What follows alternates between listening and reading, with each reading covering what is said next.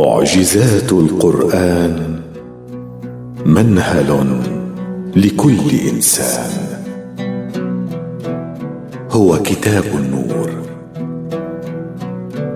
هو الزاد للمؤمنين. لا يفنى مر الدهور. هو حصن قلاع الدين. وحي مذكور. كتاب الله به يهتدي كل عقل فهيم ويستنير كل قلب في سكينة الإيمان يقيم هو القرآن الكريم المعجز بالجملة بالكلمة بالحرف لم تنقضي ولم تنقضي عجائبه في بحور درره غاص العارفون. وإلى شواطئ نوره يمم الهائمون. ولما تنتهي الدراسات فيه بعد. بل كلما ظهر فيه معنى عظيم زاد علمنا بمدى جهلنا بأسراره ومغانيه. وفقرنا بدرره ومعانيه. ففي بحور علم القرآن الكريم نغوص في رحلتنا.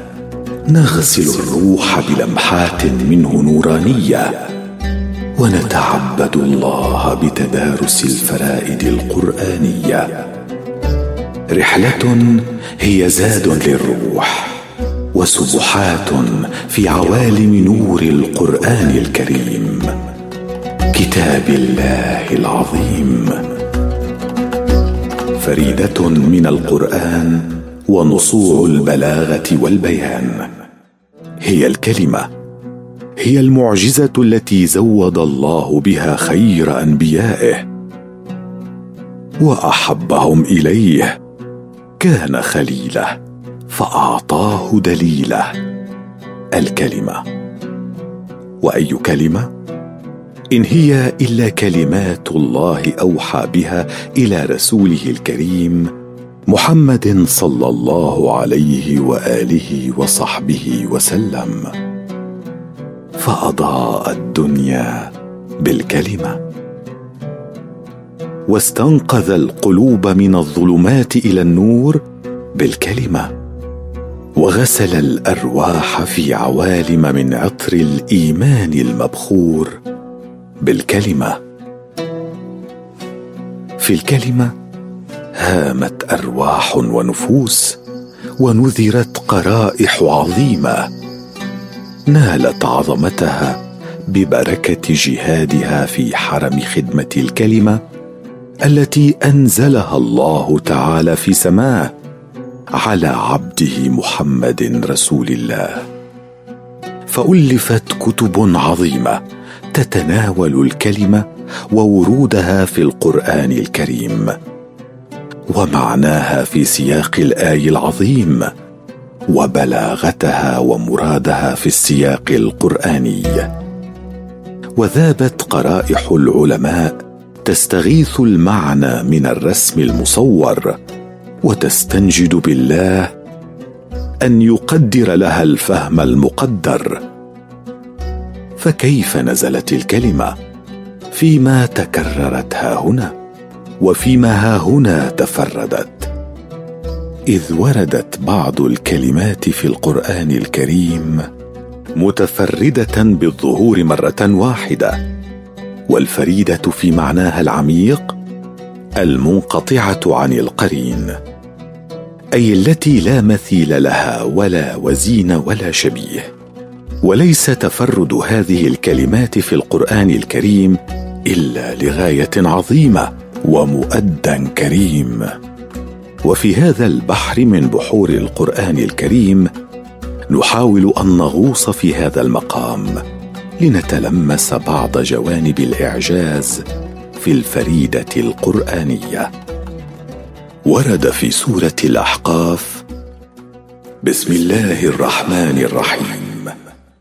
واذكر أخا عاد إذ أنذر قومه بالأحقاف وقد خلت النذر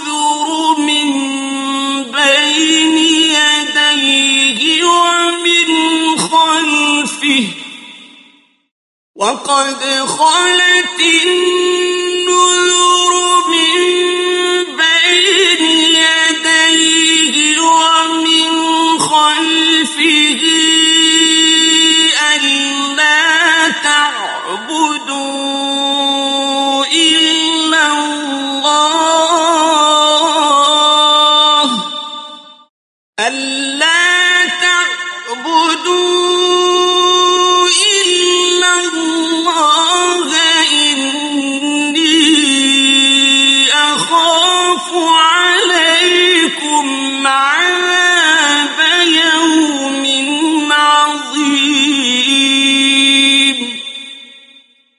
صدق الله العظيم. وردت لفظة الأحقاف فريدة في القرآن الكريم. فما هو سر ورودها؟ ولما ذكرها الله العزيز دونا عن غيرها؟ وأي مبتغى تؤديه؟ الأحقاف جمع تكسير لكلمة حقف وهو الكثيب الرملي المائل. ومن هذا المعنى اللغوي أفاد المفسرون في تفسير الآية ولم يخرجوا عن معنى الكلمة اللغوي إلى غيره. والأحقاف هي مساكن قوم عاد الذين عصوا نبي الله هودا واستكبروا وفحشوا في الأرض.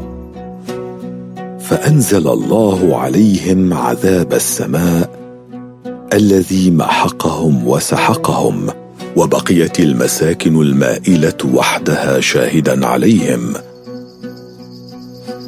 فالحالة التي عاشها قوم عاد متفردة ومساكنهم المائلة المعوجة لم يعد لها نظير في الأرض.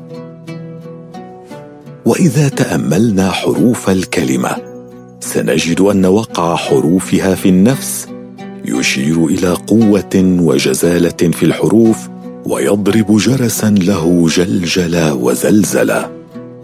فلو ذكر القرآن الكريم هذه المساكن بالقول الرمال المائلة المستطيلة المعوجة لغاب عن الذهن اولا صورة العقاب الذي أنزله الله على قوم عاد. وإنما ذكرت اللفظة المختصرة بحروفها قوية الجرس والإيقاع ضمن سياق. واذكر أخا عاد إذ أنذر قومه بالأحقاف. أي بالعذاب الذي حل بهذه المساكن على عظمتها وجبروتها. وتثير حروف الكلمة في النفس مشاعر الرهبة والخوف التي لا تحملها حروف الرمال المائلة المستطيلة. فكلمة الأحقاف تخيل في نفس المتلقي صورة من اليباب واليباس والقحط وفناء الحياة في هذا المكان. ولو تأملنا تتابع الكلمات في الآية الكريمة لوجدنا أن كلمة الأحقاف لا تحمل المدلول المكاني المادي فقط وإنما تحمل قصة وحكاية وقانونا لله في أرضه أن من يفعل فعل قوم عاد سيحصد نتيجة لعمله. هذه الأحقاف الميتة من كل حياة شاهدة على مصير من طغى وتجبر على الله. والدليل أن ختام الآية الكريمة هو إني أخاف عليكم عذاب يوم عظيم. فكما لو أن الأحقاف هي مدلول لعذاب عظيم. ربما لما يضع الدارسون يد أفهامهم على معناه العميق الجليل لكنه من السياق لا محالة يشير إلى نوع من أنواع العذاب ناهيك عن خلو الدار من ساكنيها وإهلاكهم. فسبحان من حمل الكلمات بحور المعاني وجعلها مشاعل نور للسائلين. معجزات من الصورة في الآية والسورة.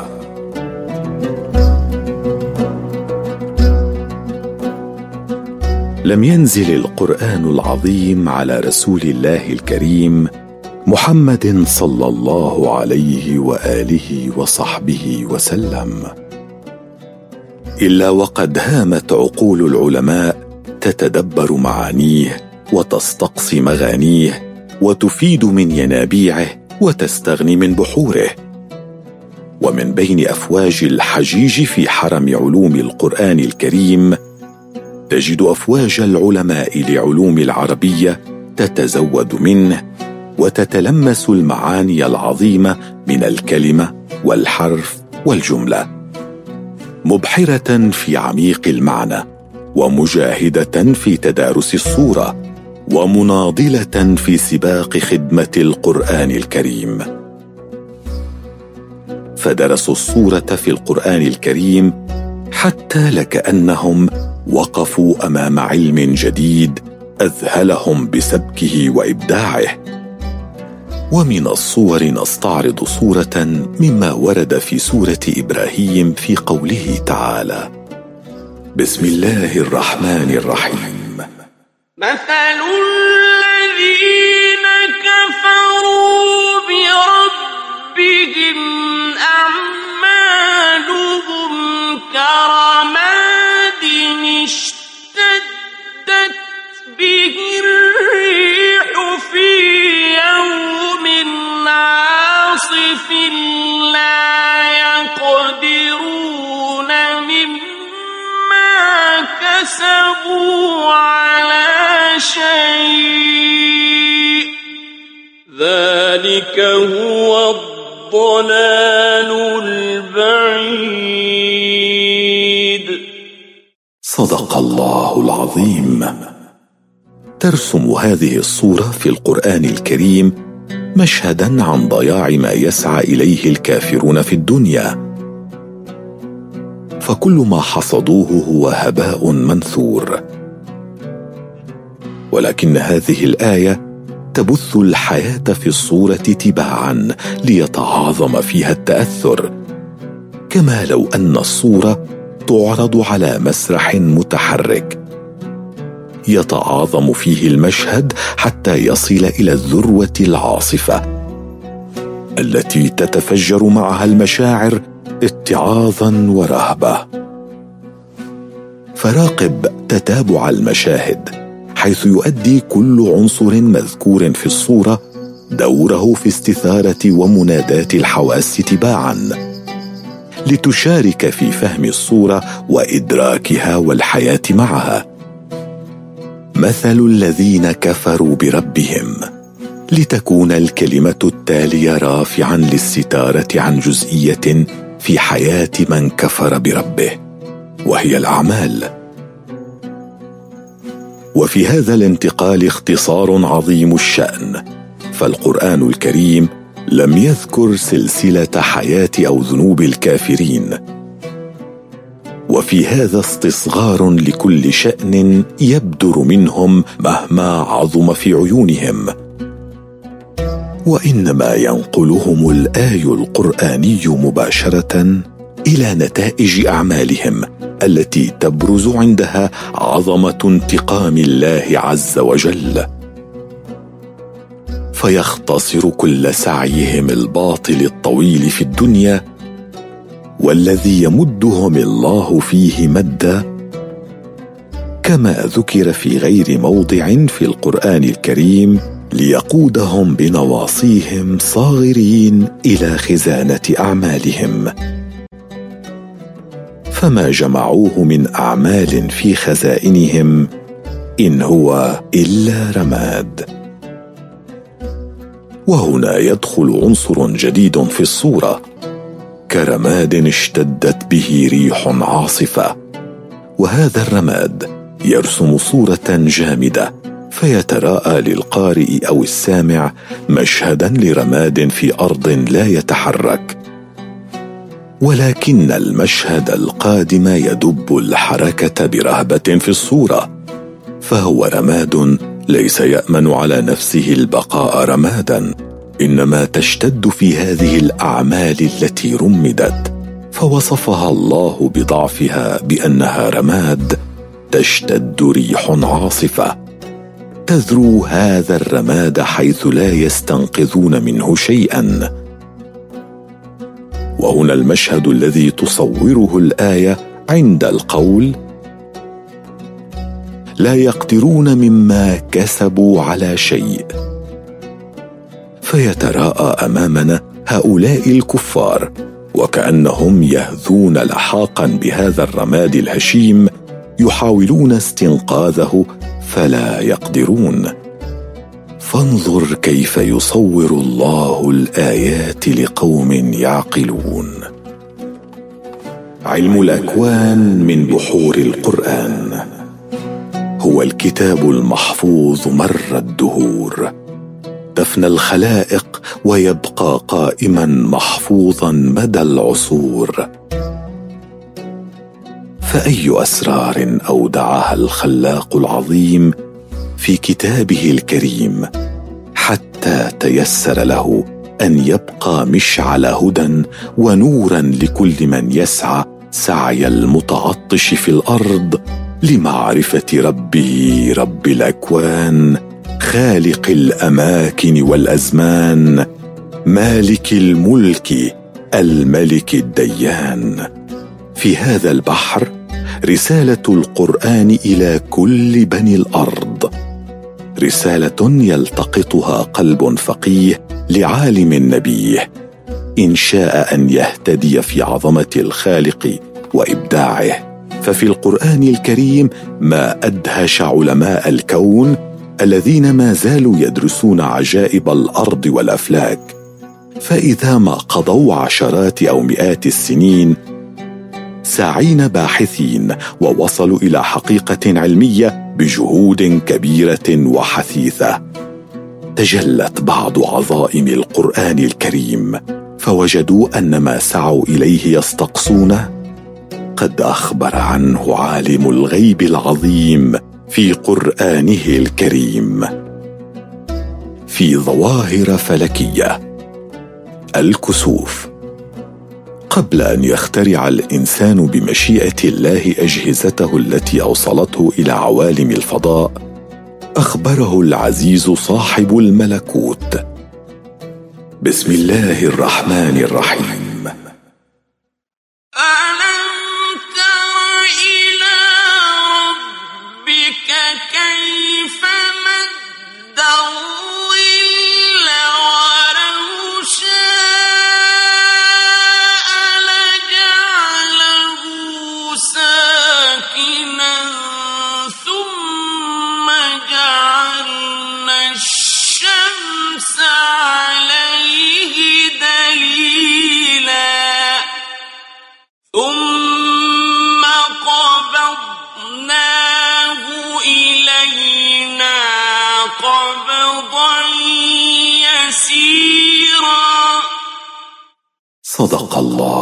العظيم تضمنت هذه الآيات إشارات علمية ربطت ربطا جازما بين ظاهرة الظل والشمس.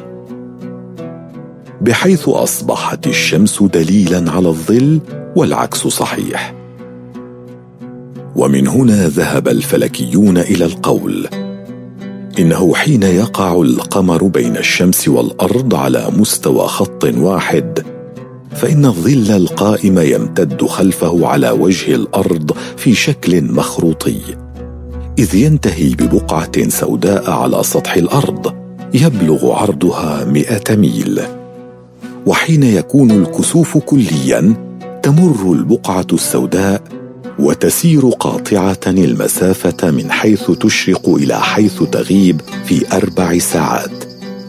ونادرا ما يزيد الكسوف الكلي للشمس عن سبع دقائق ونصف الدقيقة. وإنه في الحال التي يكون عليها القمر بعيدا عن الأرض لا تصل البقعة السوداء إلى الأرض فلا يحدث كسوف كلي.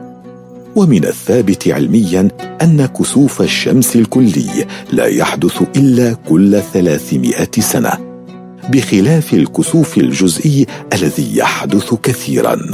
ومن الثابت علميا أيضا أن تناسق الأبعاد بين الشمس والقمر والأرض معجزة كونية خارقة. وعلى أساس هذه الأبعاد تحدث الظواهر الطبيعية. وعلى أساسها تستقيم الحياة وتدور حركتها. فتأمل سبحات الكون. معارج الروح. إن الله أنار الكون بالكلمة ومن علينا بالكلمة وأنعم علينا بالكلمة. فنزل الوحي العظيم على رسول الله وحبيبه الكريم محمد صلى الله عليه وآله وصحبه وسلم. وفي سبحات عوالم الكلمة نتقرب إلى الله ربنا ببعض الأبيات قيلت في عظيم مقام القرآن الكريم. هو للحياة منظم ومرتب وبه تصير بديعة الإشراق. هو للفؤاد مرقق ومطهر. من كل حقد أو هوى وشقاق.